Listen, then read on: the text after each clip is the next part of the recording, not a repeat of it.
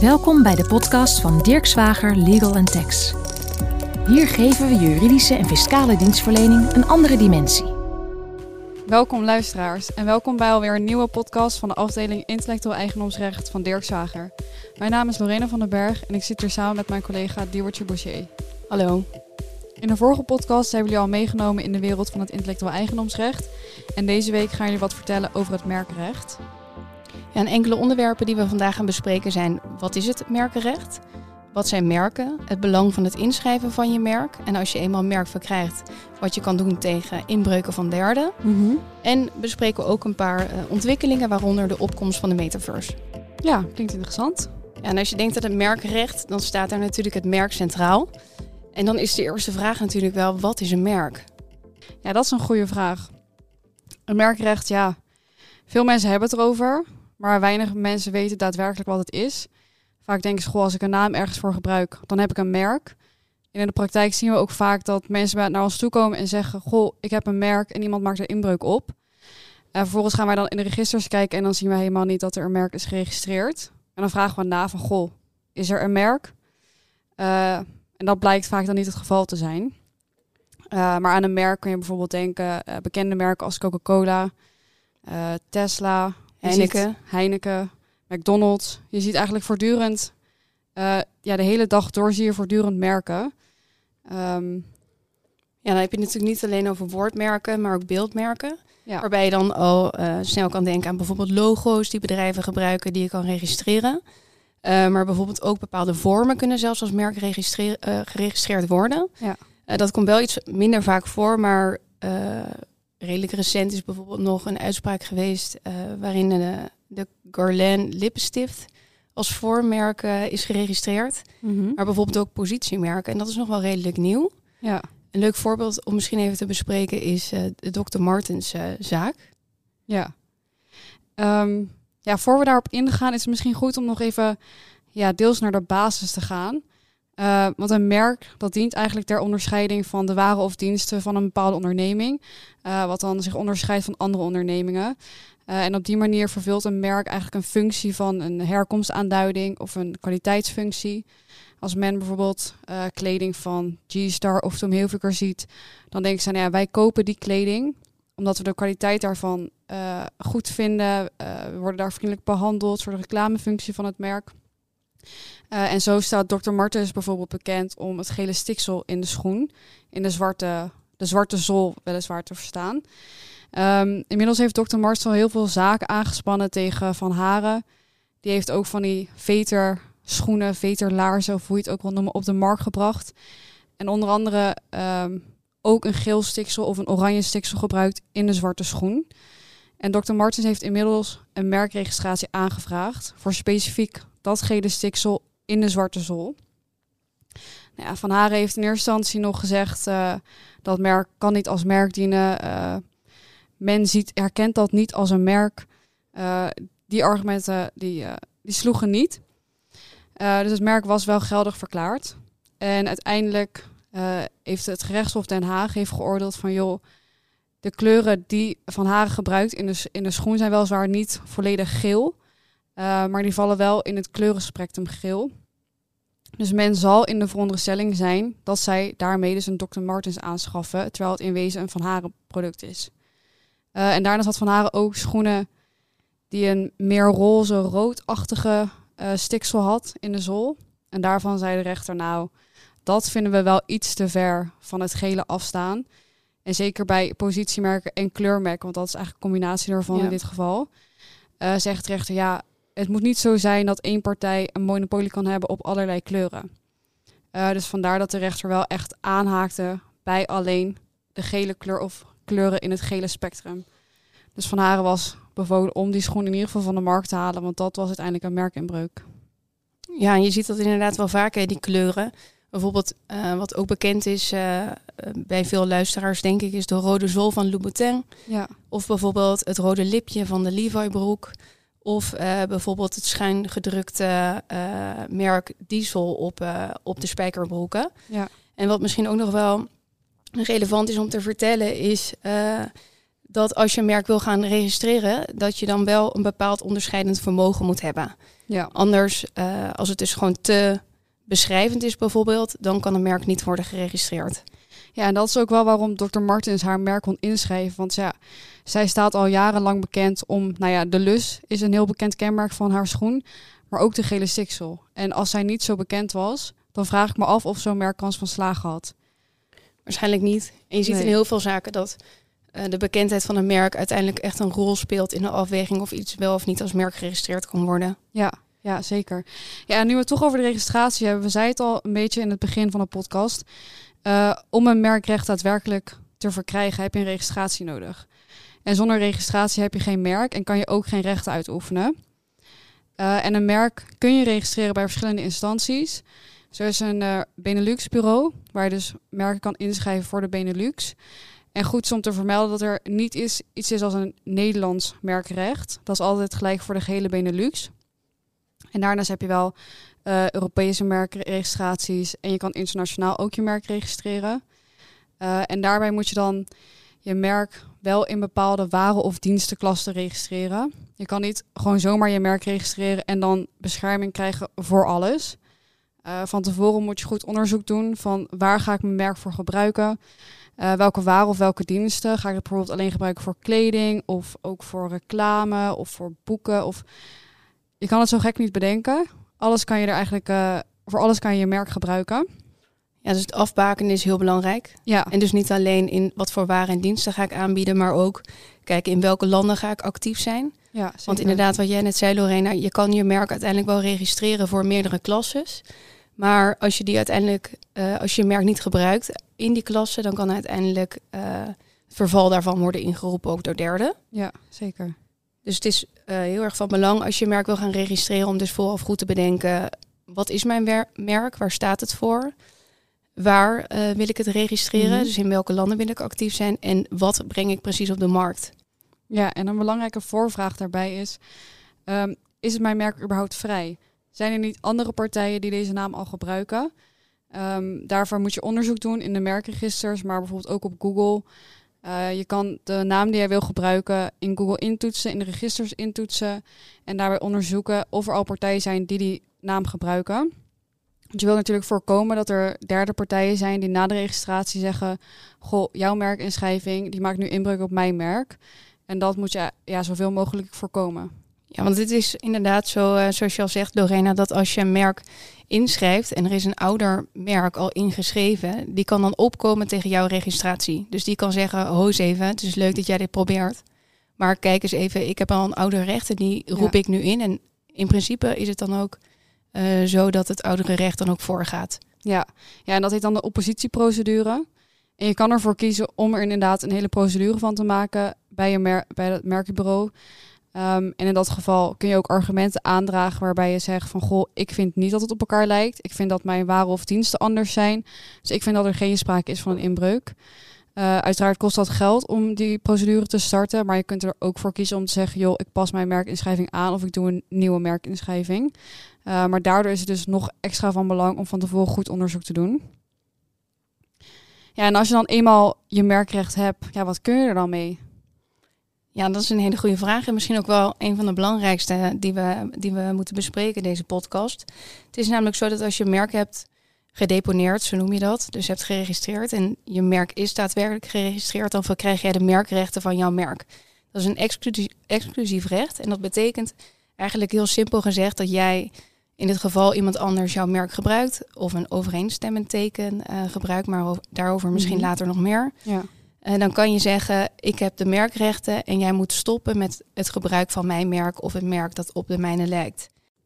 Ja, en in dat laatste geval is het dan wel, uh, wel zo dat als je als iemand dus een overeenstemmend teken gebruikt, dat je dan mhm. dat diegene dan ook wel voor dezelfde waren en diensten dat teken gebruikt. Ja. Dat is bijvoorbeeld anders. Helemaal aan het begin van de podcast hadden we het erover dat je een bekend merk kan hebben. Mhm. En in dat geval, als je merk dus zo bekend is bij uh, bijvoorbeeld een consument, dat je kan zeggen, nou, het maakt eigenlijk niet uit waarvoor ik dit merk gebruik, dan uh, kan je hem ook inroepen. Dus dan maakt het niet uit of het merk door een derde wordt gebruikt voor dezelfde waren of diensten. Ja, ja dus dan zou je bijvoorbeeld kunnen denken aan noem eens wat, een Coca-Cola die optreedt tegen een boek waar ook Coca-Cola op staat. Precies. Als Coca-Cola daar bijvoorbeeld niet voor is geregistreerd. Precies.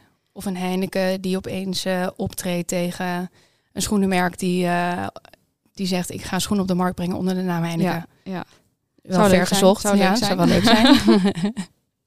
ja, en zijn merken is eigenlijk best wel een sterk recht als ik het zo hoor. Ja, en als je merkenrecht verkrijgt, uh, dan verkrijg je die in principe voor tien jaar. -hmm. Maar het is wel zo als je die tijdig verlengt, dus voor het einde en na voor afloop van die tien jaar, dan verkrijg je weer de rechten voor een periode van tien jaar. Dus eigenlijk kun je elke keer uh, ja. je merkrechten verlengen.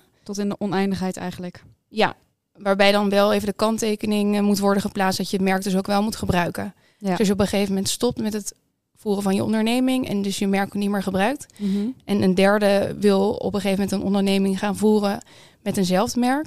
Dan kan je uh, als nieuwe onderneming zeggen, ik zie dat het merk helemaal niet meer wordt gebruikt. Het wordt Mhm. niet meer actief gebruikt, ook niet in de landen waarvoor het is geregistreerd. En nou helemaal niet voor de waren en diensten waarvoor het is geregistreerd. Mhm. Dan kan je dus verval inroepen. En als het wordt ja, toegewezen, Ja. dan kan je dus als derde uh, het merk opnieuw inschrijven en verkrijg jij de merkrechten. Ja. ja, en een vereiste is daarbij dat het dan vijf jaar niet is gebruikt. Exact, ja. Dus dat uh, als je een nieuwe onderneming start en je ziet wel dat bijvoorbeeld dat merk al lang niet meer wordt gebruikt, dan zou ik nog wel even wachten tot de vijf jaar daadwerkelijk zijn verstreken. Uh, sommigen hebben er echt een hele strategie achter waarom ze een merk niet gebruiken. Uh, of dat ze een nieuwe onderneming starten of wat dan ook. Uh, of misschien een coronacrisis wat heeft gezorgd dat een merk een tijdje niet is gebruikt. Uh, dus het is daarbij wel van belang om inderdaad even te wachten op die vijf jaar. Of misschien een partij aanschrijven en zeggen, goh, ik zie dat je het merk niet meer gebruikt. Um, kunnen we er misschien een deal ook over sluiten. Precies. Voor hetzelfde geld kom je er gewoon uit en kan jij het merk gaan inschrijven. Ja, ja. Ja, we hadden het net al over inbreuken. Um, ja, wat doe je eigenlijk als er een inbreuk is? Kijk, je kan wel van mening zijn dat er sprake is van een merkinbreuk, maar wat doe je? Wat zijn de stappen die je moet nemen om te zorgen dat het stopt? Ja, het komt natuurlijk best wel vaak voor dat uh, ondernemingen bij ons komen met een vraag: ja, ik zie dat mijn merk wordt gebruikt door een derde. Mm. Wat kan ik er tegen doen? Nou, voor ons is altijd een eerste stap om te kijken, nou, is het daadwerkelijk een merkinbreuk inbreuk, ja. en wordt het gebruikt? En zo ja, in welke uh, vorm en op welke Mhm. manier? Dus wat we cliënten eigenlijk altijd adviseren is om meteen screenshots te maken bijvoorbeeld. Ja. Of echt vast te leggen waar de inbreuk wordt gepleegd. En vervolgens, als het dan uh, daadwerkelijk een inbreuk is, dan uh, sturen we doorgaans een sommatiebrief waarin je heel kort gezegd en heel simpel gezegd aangeeft van ik zie dat jij mijn merk gebruikt. Mhm. Mm -hmm. Ik heb hiervan de merkrechten. Kijk in de registraties Ja. onder uh, een bepaald nummer waarin, waaronder Mhm. het is ingeschreven. En ik wil dat jij stopt met dat gebruik en ik sommeer jou om daarmee te stoppen binnen een bepaalde periode. Ja. ja, dat is heel relevant. Ja, zeker ook die screenshots en het bewijs verzamelen. Dat is eigenlijk de eerste stap waar het mee begint. Um, tegenwoordig zie je heel veel online inbreuken, uh, webshops ook of inbreukmakende producten. Uh, het is ook van belang om proefaankopen te doen. Op die manier kun je dus ook vaststellen of het merk niet ook wordt gebruikt op de factuur, hoe het wordt verpakt, uh, of het op een kledingstuk of het product staat of wat dan ook.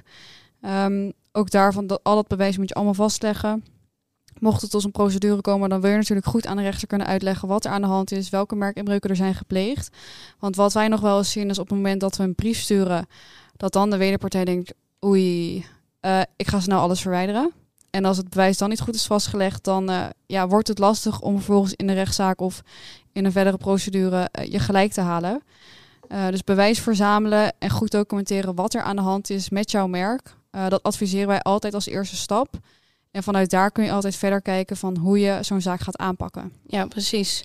En als je dan, als het ertoe komt dat je een derde dus met succes kan aanspreken, dan kan het ook tot best wel vergaande gevolgen leiden. Mm -hmm. uh, bijvoorbeeld een verbod natuurlijk op het gebruik van het teken, want dat heb je al genoemd in je sommatie. Maar je kan Ja. bijvoorbeeld ook schadevergoeding uh, vorderen of bijvoorbeeld vernietiging van de voorraad. Mm -hmm. Uh, en ook kan je de vergoeding van de juridische kosten die je hebt moeten maken vorderen bij, uh, bij die derde. Ja. ja, want dat is nog wel relevant. Uh, intellectueel eigendomsrechtszaken zijn dan weer ja, een exotische soort voor wat betreft proceskostenvergoeding, om het zo maar te noemen. Um, er is een tijdje geleden een, een richtlijn uitgevaardigd waarin staat dat bij intellectueel eigendomszaken de wederpartij of de verliezende partij, laat ik het zo zeggen, in, in beginsel de volledige uh, en evenredige proceskosten uh, van de winnende partij moet vergoeden. En nu is het natuurlijk niet zo, of tenminste natuurlijk, ik zeg natuurlijk, maar misschien is dat niet natuurlijk. Het is niet zo dat de daadwerkelijk gemaakte kosten worden vergoed. Uh, er zijn wel uh, ja, bepaalde staffels. Bijvoorbeeld in kort geding is dat ongeveer ja, tussen de 8000 en 15.000 uit mijn hoofd, misschien net iets meer. Um, maar ja, de winnende partij kan dat dus krijgen van de verliezende partij. Dat maakt ook wel weer dat sommige mensen terughoudend zijn om een procedure te starten. Omdat het merkrecht en het intellectueel eigendomsrecht ja, in zijn algemeenheid vaak wel een grijs gebied is. Dus je kan nooit 100% zeggen jij wint. Uh, of 100% garanderen dat iemand verliest. En dan denkt men, ja, dat zijn toch wel veel kosten die ik dan op mijn dak krijg. En dat, daar hebben ze niet altijd heel veel zin in. Um, maar ja, het, het, is met een doel ingesteld om de rechthebbenden van een merk of van een intellectueel eigendomsrecht de mogelijkheid te bieden om een procedure te starten en daarmee kosten terug te krijgen. Maar in de praktijk ja, is dat soms nog wel een beetje lastig. Ja, terwijl nou, misschien zijn wij ook een beetje uh, bevooroordeeld. Dat we mhm. altijd zeggen van ja, nee, je moet absoluut optreden. Maar heel vaak komen partijen er ook onderling wel uit. Of daarin uh, begeleiden we partijen ook vaak. Um, maar het is uiteindelijk natuurlijk met name van belang dat je daar tegenop treedt. Omdat het merk uiteindelijk ook wel een soort van het visitekaartje is van jou. En daarmee creëer je ook een bepaalde goodwill en dus waarde van je bedrijf. Ja. En dat is uh, ja, alleen maar aan te raden om daar dan ook voor te gaan staan. Ja, als merk wil je natuurlijk wel zorgen dat, uh, dat jouw merk jouw merk blijft, om het zo maar te zeggen. Ja, exact. Kijk, een Puma is niks uh, als er allemaal Nama-producten op de markt zijn. En Nike kan ook niks meer. Zo zijn eigenlijk heel veel merken die niks meer kunnen als er alleen maar namaak is. Dus je moet wel optreden, ja. of je het nou wil of niet. Ja, en inbreuk komt ook, uh, nou, het komt gewoon regelmatig voor. En je ziet de laatste tijd ook dat er steeds meer ontwikkelingen in zijn. Uh, dus je ziet de laatste tijd bijvoorbeeld ook merkinbreuk in de metaverse. Dat is echt een hot topic op dit moment. Ja, en de metaverse, ja, wat is dat eigenlijk? Ja, ik denk dat iedereen het woord metaverse wel, uh, wel eens heeft gehoord. Maar ook wel vaak, tenminste, ik dacht aan het begin wel, wat is de metaverse? Mm -hmm. maar ik, ik lees het even voor. Het is een uh, term van verschillende virtuele computergegenereerde 3D-ruimtes, waarin gebruikers interactief met de virtuele omgeving en andere gebruikers in contact kunnen komen. Ja. Uh, en eh, misschien dat veel mensen bijvoorbeeld wel Fortnite of Roblox of Second Life of iets kennen. Ja, het is eigenlijk een soort tweede wereld, maar dan virtueel. Sommige zijn echter dan, uh, dan andere, maar veel zijn ook gewoon games. Uh, Fortnite is heel populair onder de jongeren. En daar zie je ook steeds meer dat merken ook hun kleding daarop aanbieden. Zoals bijvoorbeeld Fortnite en Balenciaga. Die hebben zowel een digitale kledinglijn ontworpen uh, als een virtuele. Dus mensen die in het spel die kleding kopen kunnen, dat ze ook fysiek in de echte wereld kopen. En daarmee ja, zorgen ze dus voor een, een soort nieuwe markt. Uh, zo is ook er een hele Nike store ontwikkeld, waar je gewoon Nike producten kunt kopen. Gucci. Um, Gucci. Ja. en eigenlijk is het natuurlijk ook wel handig, want op die manier wordt gewoon de metaverse gebruikt om je eigen merk te promoten. Dus het biedt heel veel kansen, maar daardoor ook risico's, bijvoorbeeld een merkinbreuk. Ja, zeker. En dan is het wel van belang om toch uh, in de praktijk ook na te gaan met hoe gaan we daar tegen optreden of hoe kan je daar als merk uh, het best tegen beschermen. Ja, ja dat is wel lastig, want um, je ziet nu vanuit Europa een Europees merkenbureau. Um, die heeft nu een, ja, is nu bezig met een richtlijn uh, vooral zijn ze daarmee aan het kijken van, joh, hoe moet je nu merken registreren die worden gebruikt in de metaverse? Bijvoorbeeld Nike is geregistreerd in klasse 25. Dat zegt jullie wellicht niks, maar dat is de klasse voor kleding. En de vraag is dan ook, joh, volstaat dat? Volstaat die inschrijving ook voor de metaverse? Want dat is eigenlijk ja, software, digitale producten. Um, en daarvan uh, is nu gezegd, het is wellicht verstandig om die merken ook te registreren in klasse 9 dat heeft dan betrekking op downloadbare goederen en software en dat soort dingen. Uh, nu is bijvoorbeeld Nike, die heeft al een registratie voor klasse 9 en wat andere klassen waarin uh, dus de koppeling wordt gemaakt met de virtuele wereld. Dus op basis van die merkinschrijvingen kunnen zij optreden tegen gebruikers in die metaverse. Um, je ziet nu ook dat in bijvoorbeeld de game van uh, Roblox, dat daar een uh, avatar shop is, waarbij dus gebruikers zelf kleding hebben ontworpen en dan een merk van Prada of Louis Vuitton erop zetten. Um, en het is de vraag of Louis Vuitton daar, daar wel mee eens is. Dus ja, de kans is groot dat uh, ook daar tegenop wordt getreden. Ja, ik denk dat de bottom line dus wel is dat het merkenrecht continu in ontwikkeling is. Mm -hmm. En dat brengt dus ook daardoor continu nieuwe vraagstukken met zich mee. Ja. Maar dat is misschien uh, leuk om in een volgende podcast te bespreken. Ja, zeker. En dus we hebben in deze podcast veel besproken. om kort aan te stippen, onder andere wat is een merk? Waar schrijf je het mhm. voor in? Hoe schrijf je het in en waar moet je rekening mee houden? Ja. Als je een merkrecht verkrijgt, wat zijn dan precies de rechten die je verkrijgt en wat mhm. kan je er tegen doen?